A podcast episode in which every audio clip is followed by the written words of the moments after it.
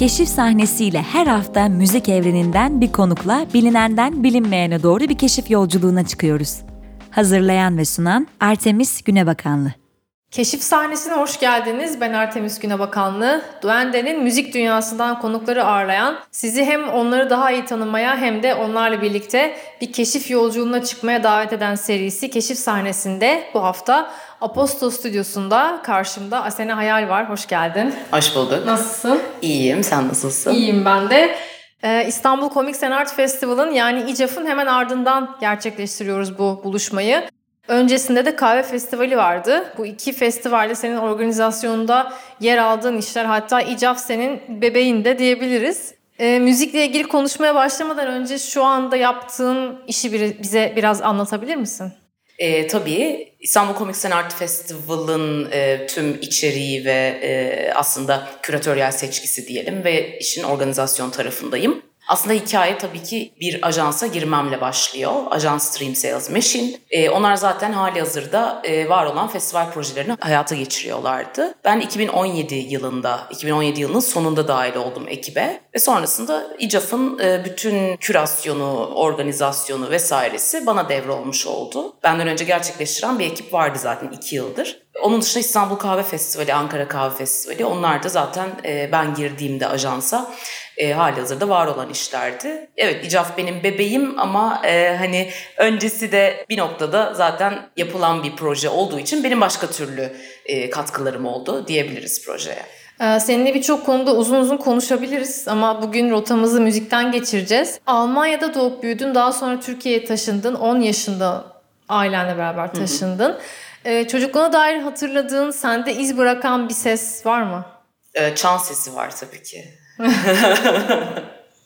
Güzel. Evet. Ee, büyüdüğümüz evde dinlenen müzikten ayrılıp yeni şeyler aramaya başladığımızda ilk bulduklarımız çoğu zaman bizimle hayatımız boyunca kalıyor ya. Hı hı. Sizin evde neler dinlenirdi mesela sen çocukken ve sen onlardan ayrılıp e, başka yönlere gittiğinde ilk nelerle karşılaştın?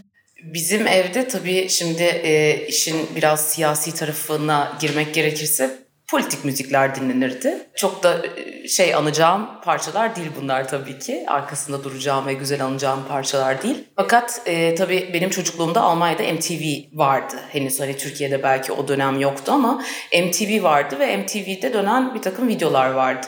Bunların televizyonun yanına teyip yaklaştırıp e, kayda aldığım ve sonrasında dinlediğim ve çok net hatırladığım iki tane parça var. Bir tanesi Rednecks Eye Joe, diğeri de Cranberries Zombie. Hani o, o dönemlere denk geliyor aslında. Buradan Cranberries'i biraz alarak devam edip Rednecks'i geride bırakarak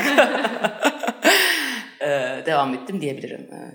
İstanbul'a geldikten sonra sanat ekseninde bir okul hayatı ve daha sonra iş hayatı da öyle şekilleniyor. Ondan da birazcık bahsedebiliriz. Sonra onu müziğe yaklaştırdığın projeler de oldu çünkü hı hı. daha önce yaptığın işlerde. İstanbul'a evet 95'te geliyoruz. Sonrasında işte bir grafik tasarım lise eğitimi. Sonra da Yıldız Teknik Üniversitesi Sanat Tasarım Fakültesi Bileşik Sanatlar programında sanat eğitimi alıp oradan aslında sanatçı olarak e, çıktım.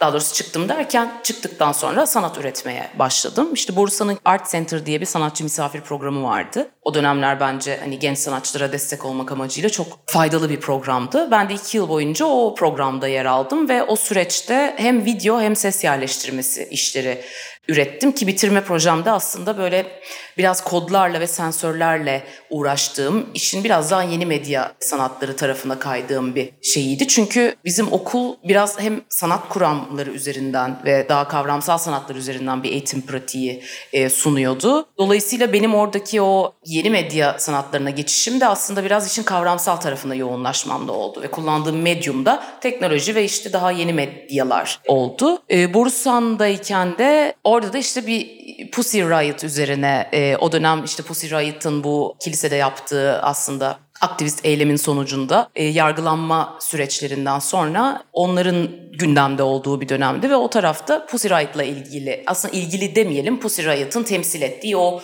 fosforlu kar maskesiyle gerçekleştirdiğim bir performans videosu aslında sergilendi. Bir de bir ses yerleştirmesi yapmıştım bir sene sonra ondan. Aslında sesse geçişim o süreçte oldu. Müzik demiyorum çünkü hani sesi medyum olarak kullanıp e, bir şey ürettiğim bir dönemdi. Müzikle ilgili olarak da aslında yine o dönemlere denk geliyor. Bir DJ'lik e, mevzusu ortaya evet, çıktı. Evet oraya da, oraya da geleceğim. O da evet, evet. Bun, bunları yaparken peki yani bu üretim sürecinde müzik senin için beslendiğin bir alan oldu mu?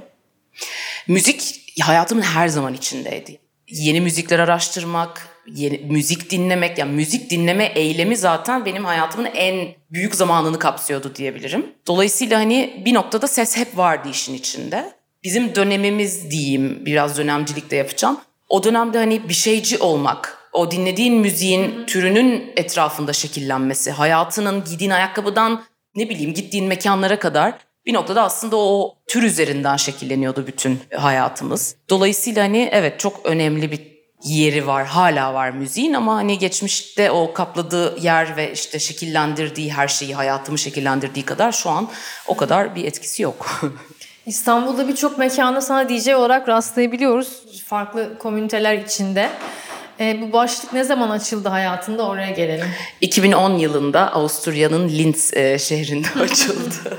Tabii ki hani ev partilerinde başladı. Müzik biriktirerek bir şekilde e, hani kendime güvenim oradan geldi. Çünkü evet müzik topluyorum, biriktiriyorum. Ev partilerinde bunu paylaşıyorum ve hep iyi dönüşler alıyorum bununla ilgili ve insanlara işte şey vardır yani bana iyi parça gönderir misin? O zaman hani Spotify listeleri falan yok. Listeler paylaşmak falan. O oradan bir herhalde güven geldi bana da. Evet ya ben iyi müzik dinliyorum. Bunları niye insanlarla paylaşmayayım? Derken Avusturya'da Erasmus yaparken Linz'de orada işte bir mekandan e, hadi bu akşam Türk gecesi yapalım falan okey ama bunu sizin bildiğiniz yoldan yapmayalım da benim bildiğim yerden yapalım. İçine müzik de koyalım. İşte evet e, mutfak da olsun ama işte müzikte biraz hani Türkiye'de başka türlü müzikler de oluyor. Sadece hani sizin bildiğiniz e, türler değil gibi böyle bir o dönemin işte Türkiye'de çalınan işte benim dinlediğim en azından yerli gruplarının parçalarını paylaştım. Derken öyle başladı. Sonra bir dönem tabii ki ara verip Sonra tekrar nerede başladı? İstanbul'da başlamıştır ama şu an mekan hatırlayamadım. Şu anda da düzenli olarak yaptığım bir şey. Teklif geldikçe de yani. ya özellikle yani bunun üzerine sık sık çünkü. Bunun üzerine bir kariyer inşa etmiyorum. Çalarken çok eğleniyorum çünkü hani zaten dans etmeyi çok seviyorum. Bir de kendi seçtiğim ve eğlendiğim parçalarda dans ediyorum. Aslında eğlenmek için çalıyorum. Dolayısıyla hani benim hadi burada çalayım gibi bir e, şeyimden ziyade evet hani burada çalar mısın dediklerinde a, tabii ki seve seve.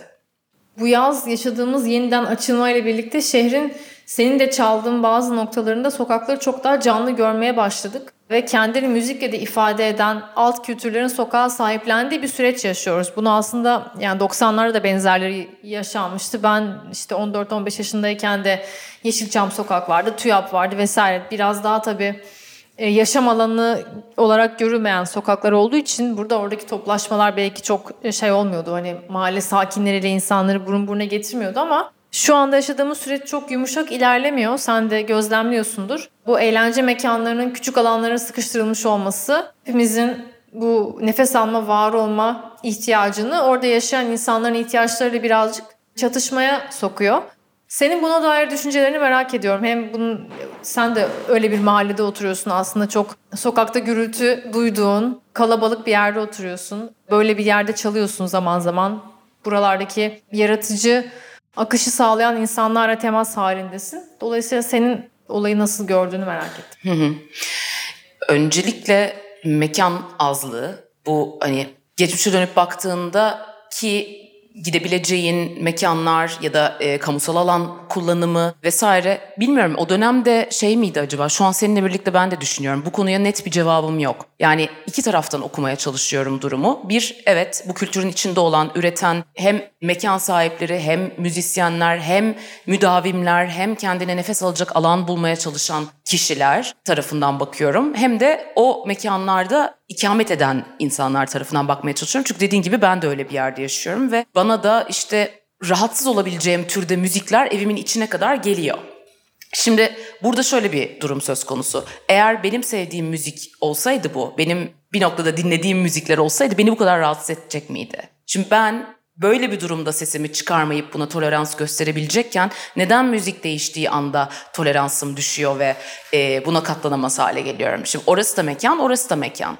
Dolayısıyla hani bu da benim kendi içimde sorguladığım bir şeydir. Hani şeycilik de yapmak istemiyorum. Kültür faşizmi de yapmak istemiyorum. Çünkü o da başka bir kültür. Dolayısıyla evet insanlar sıkışmış durumdalar. Belli bir ses desibeli var. Onu ge- geçmemek gerektiğini biliyorum. Çünkü biz de festival yaparken o desibelin altında kalmak zorundayız. Dolayısıyla hani onun üstüne çıkıldığı noktada benim de hani gerekli mercileri aramışlığım var. Çünkü bunu da buradan utanarak söylüyorum ama hani o kadar da değil. Ama hani çaldığım bu artık hani eğlencenin sokaklara taştığı yerlerde de insanların gerçekten buna ihtiyacı var.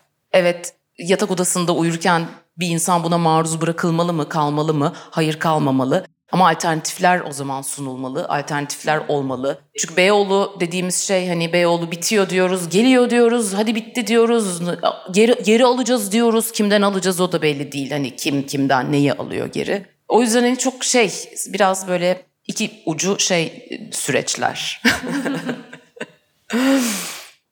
E, son zamanlarda pandemi nedeniyle çok gitmesen de e, sık sık Almanya'ya gidip geliyorsun. Ve kulüp kültürünün de çok içinde olduğunu ve o kültürü de takip eden biri olduğunu biliyorum. Almanya ve Türkiye arasında belki Berlin, İstanbul gibi daha spesifikleştirebiliriz. Bir hat çizip müzik üzerinden bu iki şehri birazcık konuşalım mı seninle? Hı hı, tabii.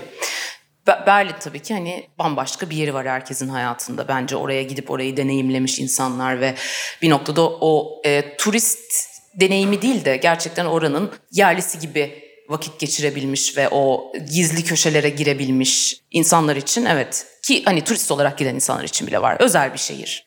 Müzikal anlamda tabii ki hani çok farklı bir yerden başka kodları var. Almanya'nın özellikle ki Berlin'i de zaten Almanya olarak çok değerlendiremeyiz. Çünkü nasıl İstanbul'u Türkiye gibi değerlendiremeyeceksek. Genel olarak Almanya sıkıcı bir yer çünkü.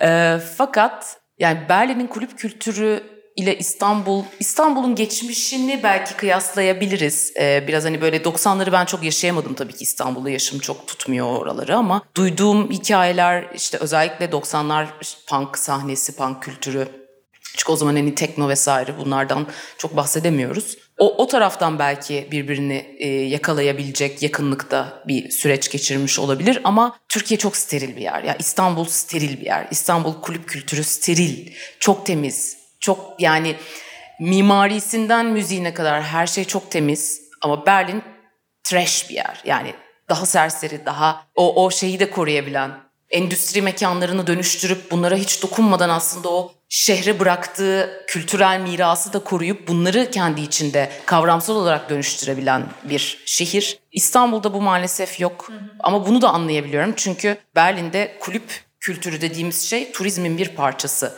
Şehrin en büyük geçim kaynaklarından biri. Dolayısıyla devletin de buna bir desteği var. Pandemi zamanı yapılan destekleri de biliyoruz. İstanbul'da böyle bir şey yok. Tam tersi bir durum söz konusu. Dolayısıyla e, daha ticari kaygılar var işin içinde. O zaman hani içeride yüksek içki fiyatları, yüksek giriş kapıları, işte DJ ya da müziğe yapılan müdahale bir noktada aslında buradaki o kültürü de son dönemlerde bitirmiş. Hı hı. Bitirmeye en azından vesile olmuş diyelim. O yüzden hani Berlin'le İstanbul'u şu anda kıyaslayamıyorum ben.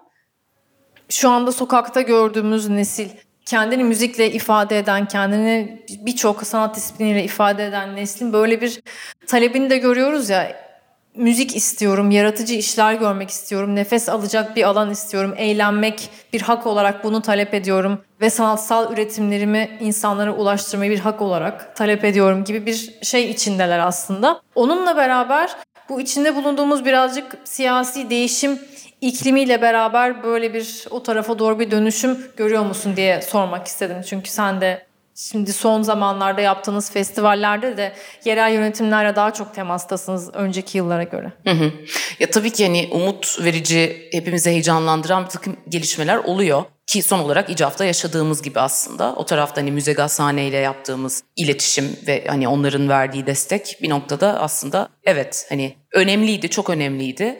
Ve dediğim gibi hani bu kamusal alanlardaki o bu müzik paylaşımları vesaireler hani yerel yönetimlerin yapabileceği şeyler de şu süreçte kısıtlı. Hani onların da bir noktada aslında e, biraz daha ellerinde fırsat olmuş olsa neler görebileceğimizle ilgili bir teaser görüyoruz gibi bir durumda var. Dolayısıyla evet biraz umutluyum ben bununla ilgili olarak. Bir de hani İstanbul'un da artık hani bu sıkışmışlıktan bir, bir şey sürekli hani şey konuşuluyor ya kendi içinde evet bir düşüyor sonra tekrar geri geliyor. Beyoğlu da aynı şekilde. Şimdi Beyoğlu dediğimiz yerin ya da işte hani buranın bir noktada geçmişine gittiğimiz zaman zaten korkunç olaylarla dolu.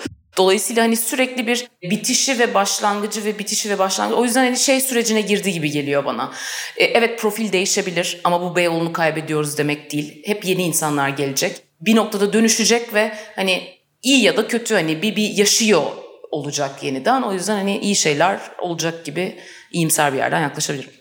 Bildiğim kadarıyla e, elinde şu anda tamamen müzik üzerine yeni bir proje var. İstanbul Nightlife Project.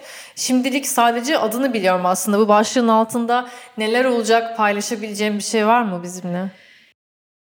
Hangi medyumlar üzerinden sunacağımızı şu anda paylaşmayayım ama içerik olarak e, neler olacağını biraz anlatabilirim. E, İstanbul gece hayatının 90'lardan başlayarak belli bir döneme kadar olan hikayesini anlatacağımız bir proje aslında.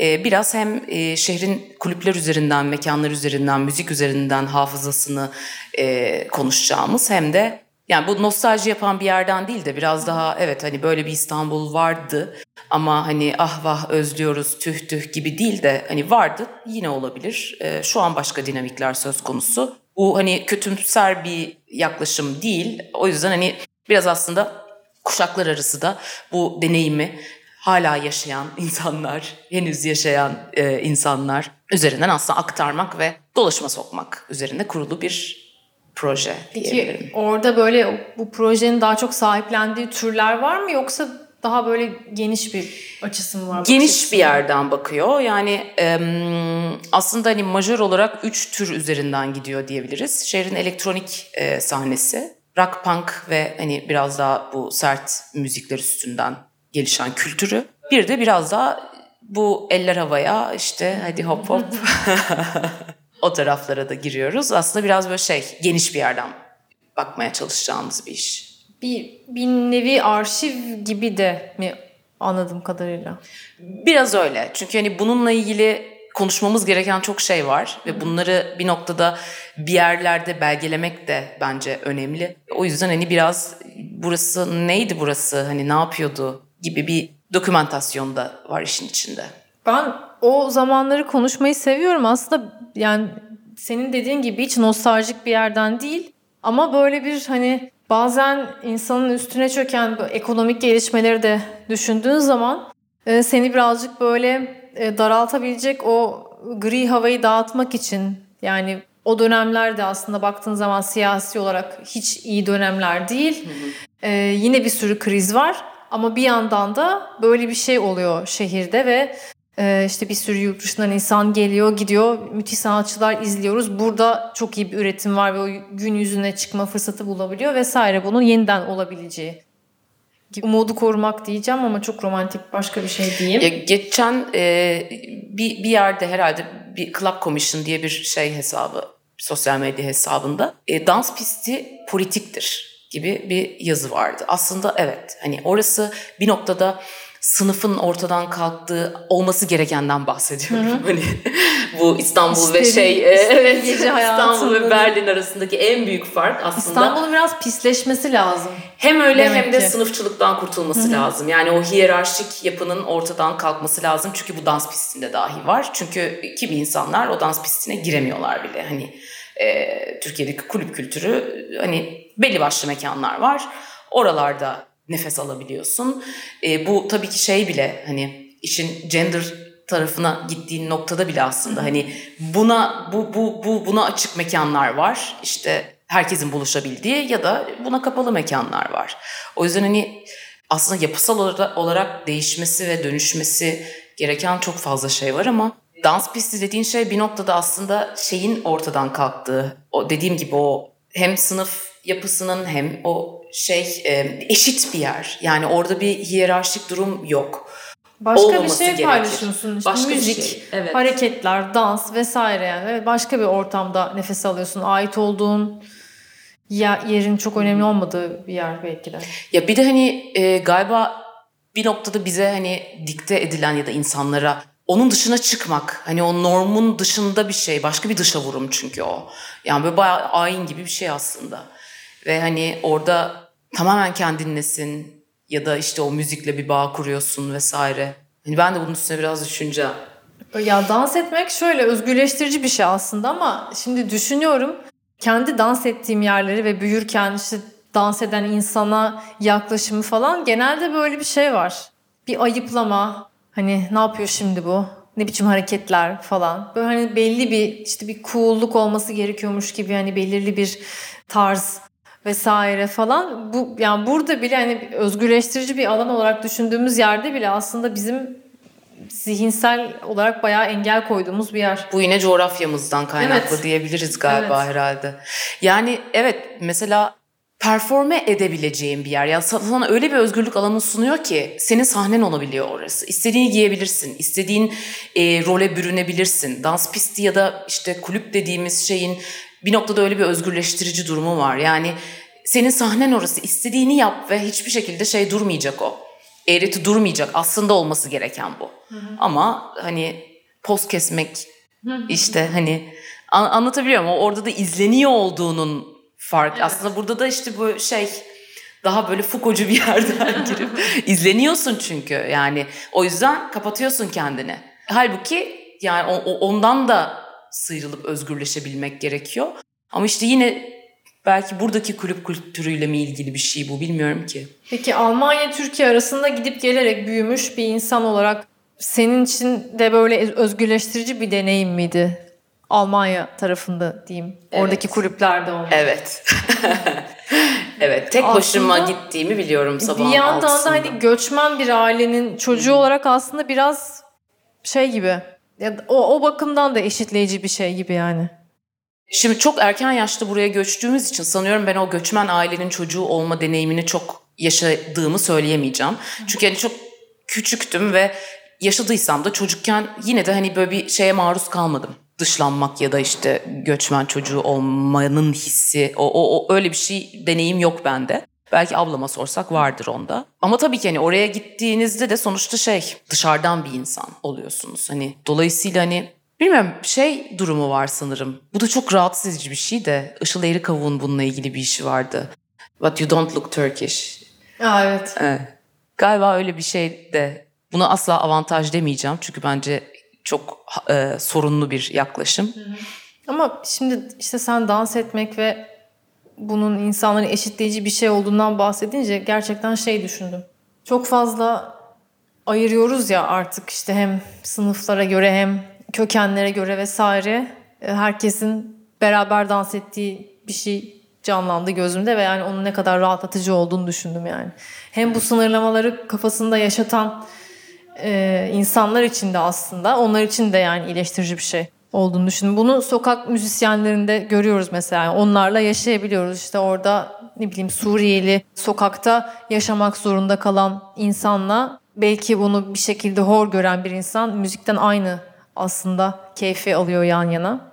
Alıyor. Bir anlık belki böyle bir aynı düzlemde buluşabilecekleri bir şey oluşuyor gibi. Evet ama yine de bu maalesef bu ülkede çok mümkün olmuyor. Çünkü bir kadın olarak bile sen dans pistinde bir yerlerini kollamaktan kendini müziğe bırakamıyorsun. Yani şimdi bir de böyle bir tarafı var.